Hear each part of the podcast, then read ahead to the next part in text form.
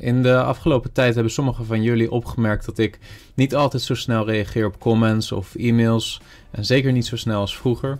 En uh, mede om die reden leek het me goed om eens een wat meer persoonlijke video te maken over wat ontwikkeling in mijn persoonlijk leven en hoe ik prioriteiten stel in mijn geestelijke bediening. Misschien heb jij daar ook wat aan.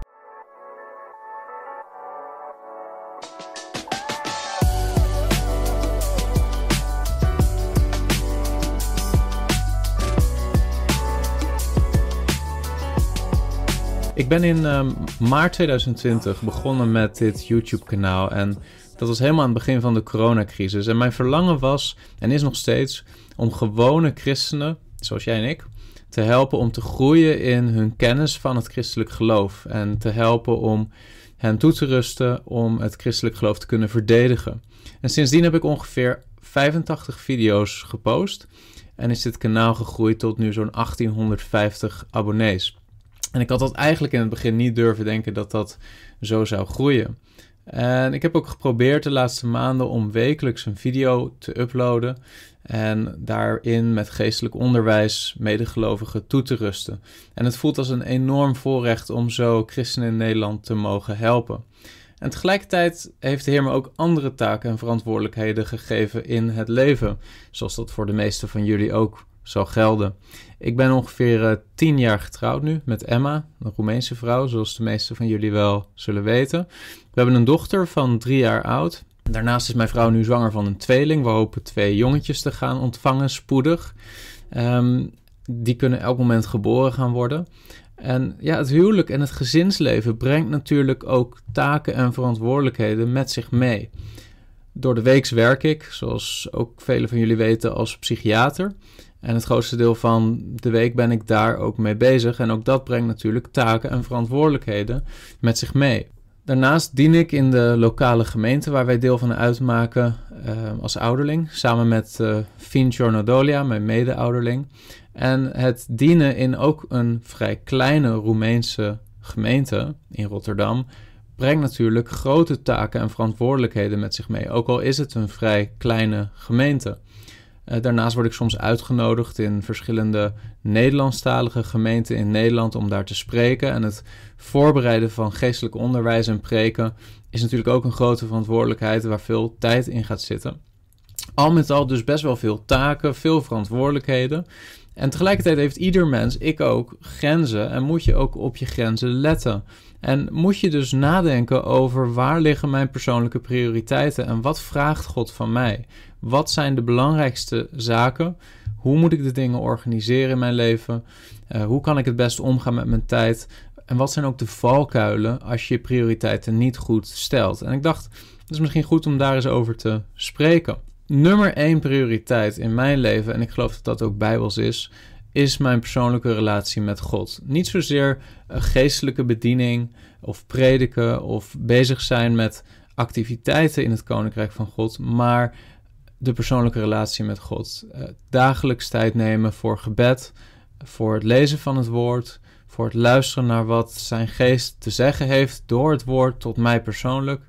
Je kunt geen vrucht dragen in wat voor bediening dan ook als je persoonlijke relatie met God en het dagelijks tijd doorbrengen in gemeenschap met zijn zoon Jezus Christus, als dat niet je topprioriteit is in het leven. We lezen in Lucas hoofdstuk 10 over Maria en over Martha. En dan staat er dat het gebeurde toen ze onderweg waren dat hij in een dorp kwam. En een vrouw van wie de naam Martha was, ontving hem in haar huis. En zij had ook een zuster die Maria heette, die ook aan de voeten van Jezus zat en naar zijn woord luisterde. Maar Martha was druk bezig met bedienen. Nadat zij erbij was komen staan, zei zij: Heren, trekt u het zich niet aan dat mijn zuster mij alleen laat bedienen, zeg toch tegen haar dat zij mij helpt. Vers 41, Jezus antwoordde en zei tegen haar, Martha, Martha, u bent bezorgd en maakt u druk over veel dingen. Slechts één ding is nodig. Maria heeft het goede deel uitgekozen dat niet van haar zal worden afgenomen. Maria zat aan de voeten van de Heer en luisterde naar zijn woord, terwijl Martha heel druk bezig was met bediening. En op zich staat hier niet dat wat Martha deed verkeerd was in zichzelf. Het bedienen van de Heer en van zijn discipelen was op zich iets heel goeds om te doen. Alleen ze had de prioriteiten niet goed gesteld. Haar zus was zich er meer bewust van dat het zitten aan de voet van de Heer Jezus en het luisteren naar zijn woord, het leren kennen van de Heer, belangrijker is dan het bezig zijn met activiteiten ondernemen. Hoe belangrijk ook dat kan zijn. Bediening is niet belangrijker dan het dagelijks tijd doorbrengen met de Heer Jezus Christus in persoonlijke relatie. En vanuit die persoonlijke relatie vloeit bediening voort. De Heer heeft ook gezegd in Johannes 15, vers 4: Blijf in mij en ik in u, zoals de rank geen vrucht kan dragen uit zichzelf als hij niet in de wijnstok blijft. Zo ook u niet als u niet in mij blijft. En ik denk dat we dat ook mogen zien als iets wat ons iets leert, een principe ten aanzien van bediening. Dat je eigenlijk moet beginnen met de verbondenheid, de persoonlijke relatie met de Heer Jezus Christus en dat daaruit voortvloeit een vruchtbaar leven, inclusief geestelijke bediening. Een grote valkuil is dat je Christus niet kunt dienen als je Hem niet eerst wilt kennen. Je kunt Hem niet dagelijks dienen als je Hem ook niet dagelijks wilt kennen en daarin wilt groeien. Dus de belangrijkste prioriteit boven alles is je persoonlijke relatie met God. En zo wil ik ook mijn leven prioriteren.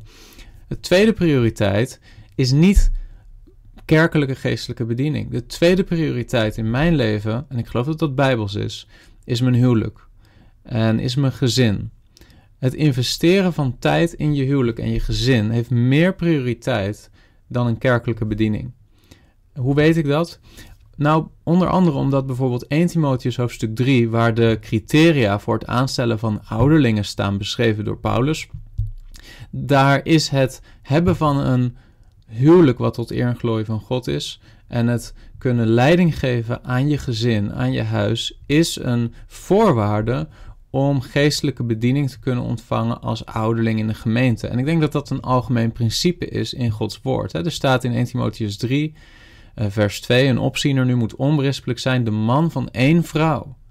Met andere woorden, hij moet zijn, zijn huwelijk op orde hebben. Hij moet zijn gezinsleven op orde hebben. We lezen in hoofdstuk uh, eh, 3, vers 4. Hij moet goed leiding geven aan zijn eigen huis, zijn kinderen onderdanig houden in alle waardigheid. Vers 5. Want als iemand niet weet hoe hij leiding moet geven aan zijn eigen huis, hoe zal hij dan voor de gemeente van God zorg dragen? En dat is een principe van geestelijke bediening. Gods prioriteit in jouw leven is jouw gezinsleven, is jouw huwelijk. Gods wil is dat jouw huwelijk de liefde reflecteert tussen Christus en zijn gemeente. Dat is Gods bedoeling. Die bediening heeft God jou gegeven als man en als je misschien dit luistert als vrouw, ook als vrouw. Niet allerlei kerkelijke activiteiten zijn belangrijker, maar je huwelijk is belangrijker. Weerspiegelt jouw huwelijk en de manier waarop jij als man je rol invult als echtgenoot, of de manier waarop jij als vrouw je rol invult, weerspiegelt dat de heerlijkheid en de liefde van God. Meer specifiek, de liefde tussen Vader, Zoon en Heilige Geest. Die volmaakte eenheid, die volmaakte liefde en toch een stuk diversiteit. Wordt dat weerspiegeld in jouw huwelijk en in de wijze waarop jij als man je vrouw liefhebt en dient? Dat is belangrijker dan wat voor kerkelijke activiteiten je allemaal onderneemt, wat voor geestelijke bediening je allemaal onderneemt, je gezinsleven. Er staat zelfs in 1 Petrus hoofdstuk 3 vers 7, mannen, woon met begrip met uw vrouw samen. Geef de vrouw als de zwakkere haar eer. U bent immers ook mede-erfgenamen met haar van de genade van het leven, opdat uw gebeden niet verhinderd worden de, de, de Heilige Geest geeft aan dat je gebeden verhinderd kunnen worden als je als man niet begripvol samenleeft met je vrouw. Een grote valkuil in de levens van veel christenen is dat ze zo opgaan in geestelijke bediening dat ze hun huwelijk laten verdrogen en hun gezin langzaam gebroken raakt. Dit is niet Gods prioriteit in jouw leven. Gods prioriteit in jouw leven is allereerst je persoonlijke relatie met Hem en ten tweede je huwelijk en gezinsleven. Een derde prioriteit in mijn leven, en ik denk dat dat ook bijbels is, is het op een bijbelse en goede manier invulling geven aan het beroep wat God mij heeft gegeven. Er zijn maar weinigen die geroepen zijn tot een voltijd geestelijke bediening in het koninkrijk van God. Veruit de meeste christenen hebben gewoon een aards beroep, hè, een beroep zoals leraar zijn op een school of arts zijn of wat het ook is wat jij gekregen hebt als beroep. God heeft jou geroepen om daar trouw in te zijn, om dat uit te voeren, dat beroep, alsof je het niet primair doet voor je werkgever, je aardse werkgever, maar voor hemzelf. We lezen in 2 Thessalonicense, hoofdstuk 3, dat de Thessalonicense dit principe niet begrepen. Zij waren zo bezig met de wederkomst van de Heer Jezus Christus en met geestelijke zaken dat ze ordeloos leefden. We lezen daarover vanaf vers 6 dat Paulus zegt: Wij bevelen u, broeders, in de naam van onze Heer Jezus Christus, dat u afstand neemt van iedere broeder die ongeregeld wandelt en niet naar de overlevering die hij van ons ontvangen heeft. Want u weet zelf hoe men ons behoort na te volgen. Wij hebben ons immers niet ongeregeld gedragen in uw midden en wij hebben bij niemand brood gegeten voor niets, maar met inspanning en moeite werkten wij dag en nacht om niemand van u tot last te zijn.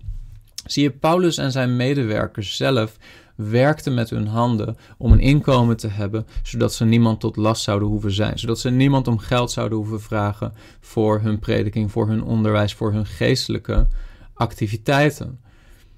Paulus geeft aan dat ze op zich, vers 9, dat hij zelf en zijn mededienstknechten wel bevoegdheid zouden hebben, maar ze handelden zo opdat zij zichzelf voor een voorbeeld zouden stellen om hen na te volgen.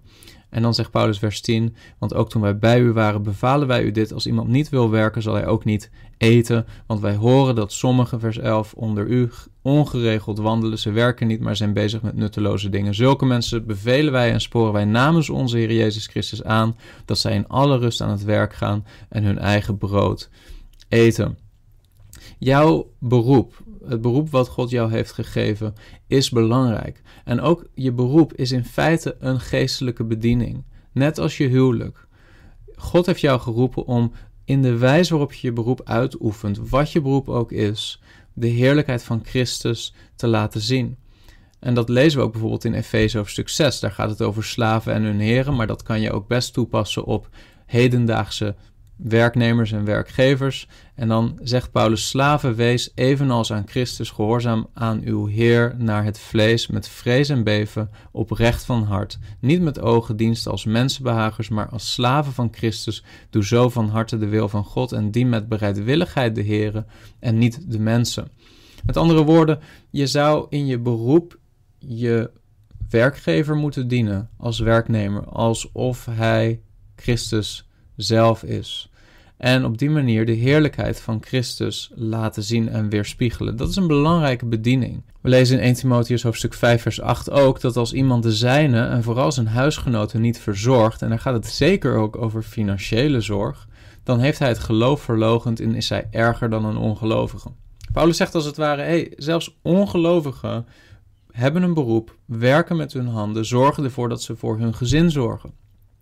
Als jij dat als christen niet doet, dan ben je erger dan een ongelovige volgens Paulus. En een valkuil kan zijn dat je zo bezig bent met geestelijke activiteiten, kerkelijke activiteiten, geestelijke bediening, dat je je beroep, je dagelijks werk, verwaarloost. Of dat je dat gaat zien als iets wat, uh, wat, wat minder belangrijk is. In Gods ogen is het niet minder belangrijk. In Gods ogen is het heel belangrijk dat je Hem verheerlijkt in de wijze waarop je je dagelijks beroep uitoefent.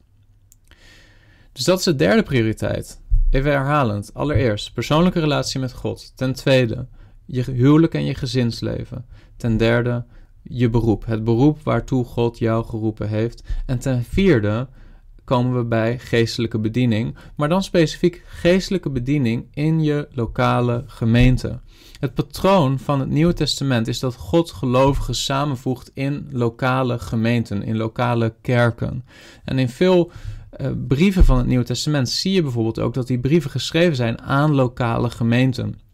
Je ziet ook in Openbaring hoofdstuk 2 tot 3 dat de Heer Jezus zelf zeven brieven dicteert aan zeven lokale gemeenten. Met elk hun specifieke situatie, hun uitdagingen, hun toestand, waar de Heer Jezus op reageert en waar hij instructies over geeft.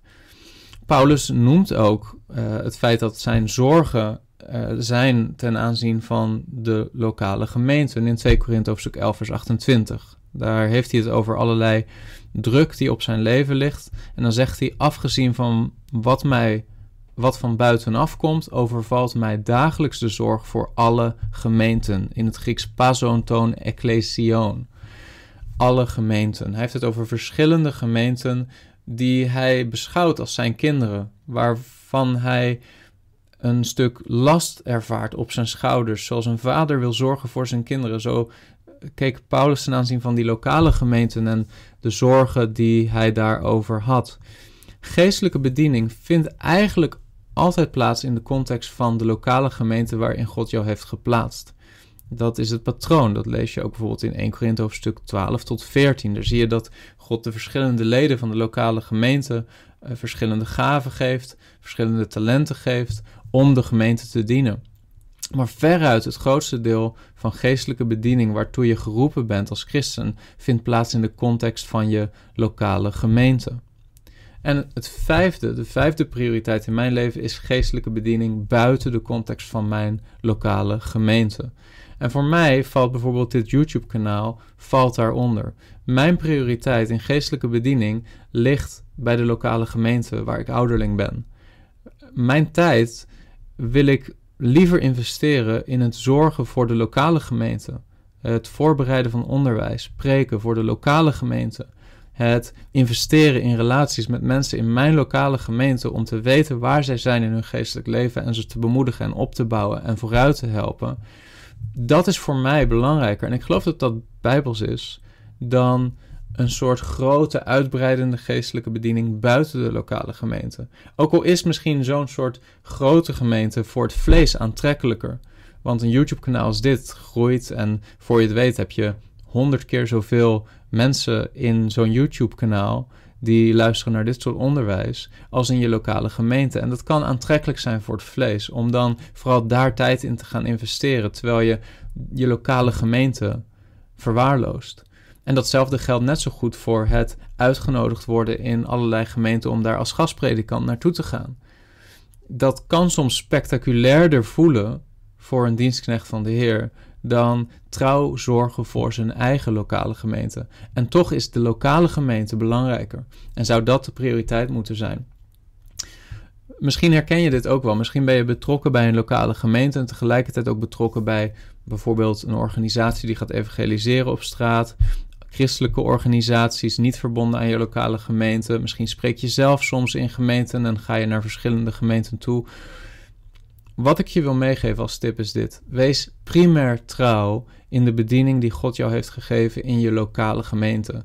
Zie dat als je belangrijkste roeping ten aanzien van geestelijke bediening binnen de gemeente. Voor mij is de lokale gemeente belangrijker dan dit YouTube-kanaal en dan mijn uitnodigingen die ik ontvang om in Nederlandse kerken te spreken en ben ik ook geneigd om nee te zeggen tegen die dingen op het moment dat ik zie dat de lokale gemeente meer van mijn tijd nodig heeft. Goed, dus dat zijn vijf prioriteiten die ik wilde langslopen met je. Nog even herhalend: persoonlijke relatie met God, belangrijker dan al het andere. Huwelijk en gezin, belangrijker dan wat voor geestelijke activiteiten dan ook. Er zijn zoveel voorbeelden van mensen die de Heer willen dienen of actief zijn in kerken of bezig zijn met bedieningen, die daar zoveel tijd in investeren en het zo belangrijk maken, terwijl hun huwelijk langzaam afbrokkelt, kapot gaat. Dat is niet Gods wil. Dat is niet Gods wil. En hetzelfde geldt voor je kinderen. Je kunt niet zorgen voor mensen in het lichaam van Christus als je niet primair zorgt voor je eigen kinderen en hen opvoedt in de vrezen des Heren, hen lief hebt, tijd met ze doorbrengt. Daar ligt de prioriteit. Ten derde, je werk, het beroep waartoe God je heeft geroepen, wees daar trouw in.